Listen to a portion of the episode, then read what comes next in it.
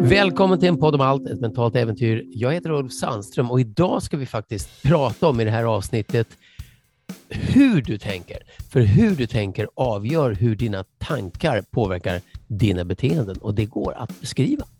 Ja, och jag heter Fredrik Presto. Jo, det där är faktiskt någonting som är oerhört viktigt och som vi sällan är medvetna om om man inte har tränat sig i det.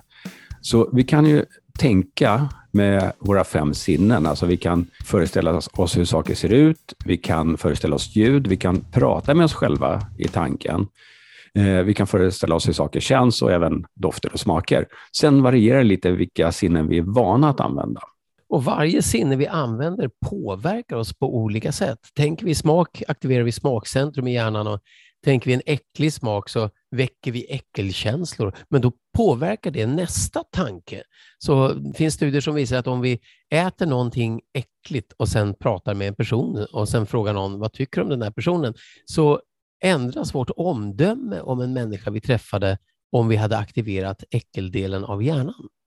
Ja, det där är ju nästan lite läskigt, men så funkar det. Det finns en annan studie också där man får en, en varm kopp kaffe, eller en varm dryck i alla fall, som man, får, som man håller i innan man träffar en person.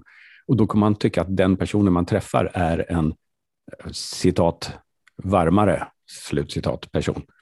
Och om man paketerar kaffe i olika förpackningar så visar det sig att samma kaffe i olika förpackningar, bland annat en förpackning med en röd ring på, så tycker folk att kaffet i förpackningen med röda ringen smakar godare, fast det är samma kaffe som i förpackningen med en gul triangel. Och en dessert som du äter på en rund tallrik smakar sötare än en som du äter på en fyrkantig.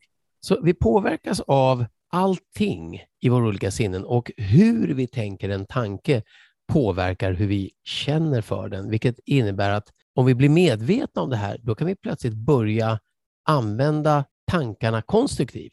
Exakt. Så om vi tittar då till exempel på synen då, och då pratar vi om om du tänker i hur saker och ting ser ut, du föreställer någonting för din inre syn, brukar man säga, så har du också ett subjektivt sätt att sortera saker. Så att om du tänker på någonting du gillar, då kanske det är snett till vänster och tänker du på något du ogillar så kan det vara snett till höger. Men det där är alltså slumpmässigt, så, så nu bara säger jag exempel. Och där sorterar hjärnan, och det är en omedveten process oftast, på saker och ting. Vi måste ha ett sätt att förhålla oss till tid. Eh, hur vet jag att, att jag ska göra en sak imorgon? Hur kan jag skilja, på det, skilja det från någonting jag gjorde igår?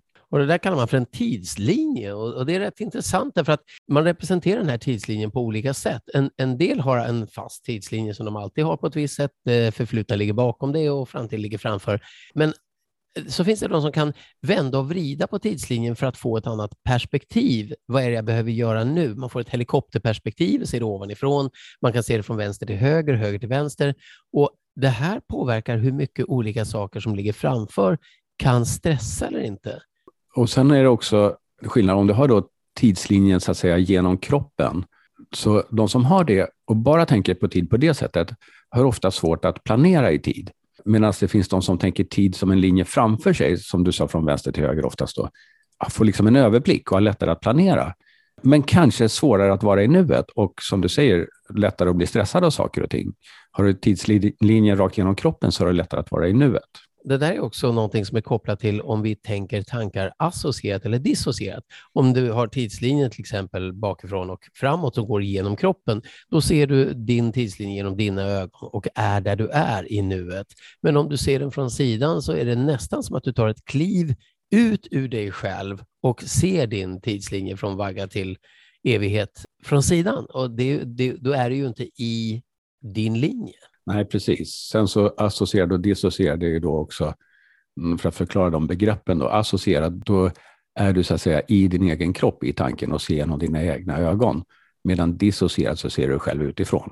Och det är också någonting som påverkar hur du känner för saker och ting. Om du ser dig själv utifrån i ett minne där någonting hände, så blir känsloladdningen av det minnet mindre om du ser dig själv utifrån. Om du ser ett minne som du var i genom dina egna ögon så är du associerad och känsloladdningen kan bli större. Och det kan man ju då tänka att det där är ju praktiskt användbart.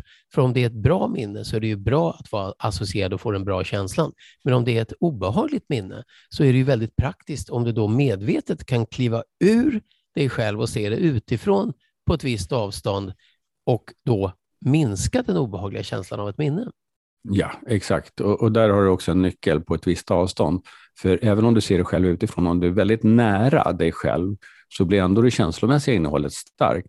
Men om du så att säga, flyttar bilden långt ifrån dig själv och kanske gör den mindre, så att den är bra mycket mindre än verkligheten, då brukar eh, det känslomässiga innehållet minska.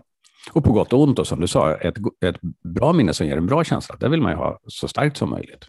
Många gånger när människor, till exempel när, när någon blir sjuk eller det blir tråkigheter eller, eller till och med när någon går bort, så blir det ofta så att sorgen ligger kvar väldigt länge och de sista minnena man har är de som ligger närmast. Så att när man tänker på den här personen så får man upp bilder direkt av den sista fasen, den som var besvärlig eller tråkig eller tragisk.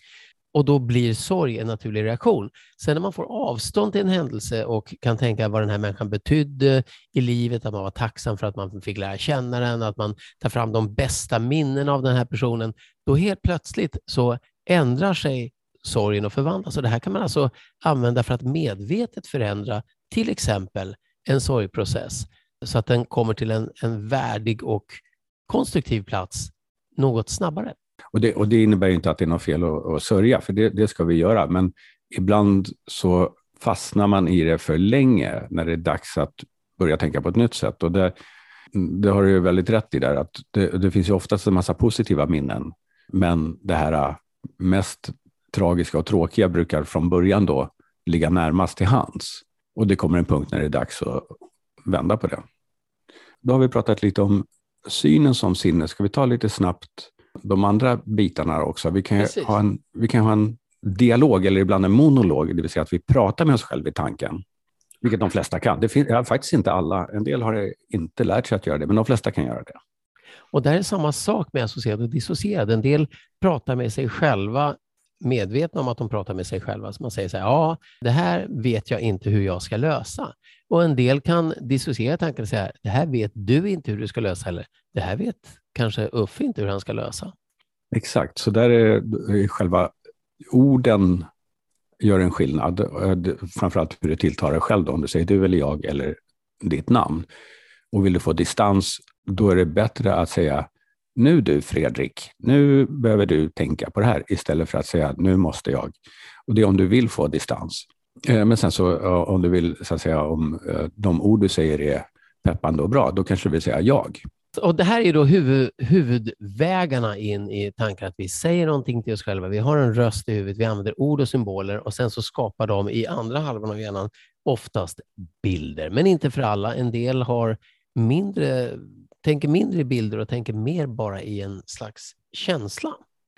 Och där, där kan jag säga att det, för mig så har känsel då varit mitt eh, så att säga, favoritsystem. Så att jag har övat upp att kunna visualisera, men fortfarande om jag visualiserar någonting, om jag föreställer mig en apelsin, så känner jag direkt, det kommer alltid med hur det känns att hålla i den.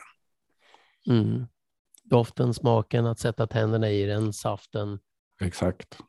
Där har vi flera sinnen. Bara.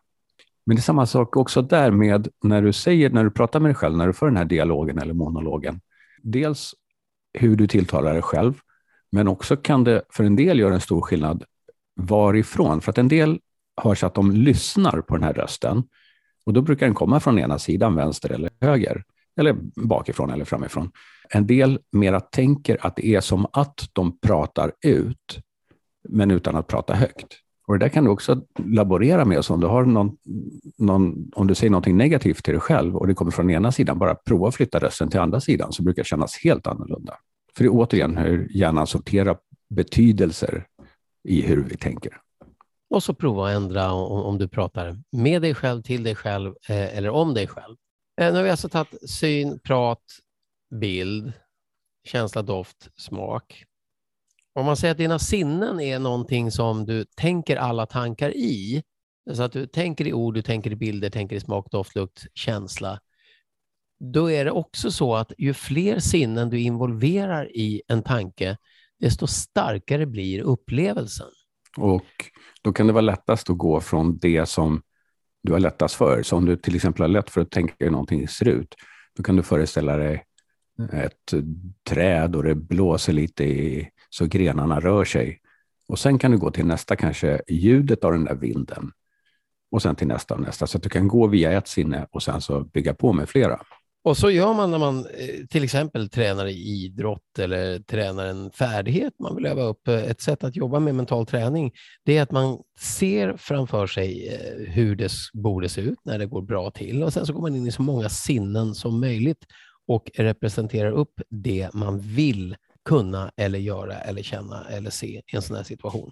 Då blir det starkare. När vi upplever någonting väldigt starkt, då är det så att vi, vi spelar in så att säga alla sinnesupplevelser för att lägga det på minnet ordentligt. Och ja, det där sker ju också när, när det gäller faktiskt eh, traumatiska upplevelser eller skrämmande upplevelser. Då minns vi ofta väldigt mycket i detalj för att kunna undvika sådana situationer i framtiden på gott och ont. Och där kan man säga att det, det, man då gör är att man kan gå in och förändra ett sådant minne. Man kan förminska detaljerna i ett minne, vilket gör att minnet blir mindre påverkande. Och det är så vi jobbar när vi hjälper folk att förminska obehagliga minnen. Allt det här är superspännande och vi har ägnat eh, ja, tusentals timmar faktiskt åt att både hjälpa folk med det, forska i det och diskutera det. Och vi tycker, om du verkligen vill veta mer om hur du tänker olika saker, du kan bara börja själv med att fundera på när du har en bra känsla, vad är, vad är det du gör i huvudet när du tänker på någonting som ger en bra känsla. Hur detaljerat är det? Vad är det för sinne du går in i? Vad är det för sätt du representerar tanken? Och på samma sätt när du tänker någonting som ger en mindre bra känsla eller hur du fattar ett mindre bra beslut, då kan du gå in och börja analysera det. Och Det här kan man alltså bena ner i princip, om man vill, till en matematisk formel. Och när du väl har det så kan du börja laborera och eh, förändra i den riktning du vill ha. Och ett område då som tittar på hur man kan hur man tänker tankar snarare än vad man tänker för tankar, det är ju neurolingvistisk programmering, NLP, som vi båda använder och är tränade i och tränar andra i. Så att det är ett sätt att förstå hur tankar konstrueras. Men det finns många andra också, så googla runt lite och kolla, men det är ett bra ställe att börja på tycker jag. Definitivt. Där är grunderna till ja, det vi kallar för det subjektiva tänkandet. Mm. Sammanfattningsvis kan vi då säga att hur du tänker en tanke, vilka sinnen du använder, påverkar hur tanken påverkar dig. Och genom att du blir medveten om detta så kan du börja påverka dig själv. Exakt, och det är hela grejen. Så, så medvetandegör strukturen i hur du tänker kan man säga, som ofta från början är omedveten, men när du börjar uppmärksamma det så blir det medvetet och då kan du förändra på det sätt som ger bäst resultat för dig själv och tycker det här är spännande eller om du har någon fråga eller någon reflektion, då får du jättegärna höra av dig på info.podomalt.se. Du kan skriva kommentarer. Om du gillar det här avsnittet och tänker lyssna på fler, kanske vill tipsa någon annan, gör gärna en like om du till exempel lyssnar i Spotify så att den åker upp så att andra kan upptäcka den för att det hjälper oss att nå fler med tankar om tankar. Sen har vi en bok också, om du tycker att det är, mm, om du verkligen vill djupdyka i exakta sätt att förhålla dig till dig själv och världen och olika tankar så finns boken Unpack Your Existence både som ljudbok, där ljudböcker finns, och som pappersbok fysiskt på de flesta bokhandlar. Unpack Your Existence, A Hypnotic Exploration av Ulf Sandström och Fredrik Presto. Ja. Mm. Då så, hoppas du hade roligt och uh, att någonting väcktes i dig som ja, någon slags nyfikenhet. Så kan vi höras framöver i nästa avsnitt. Yes.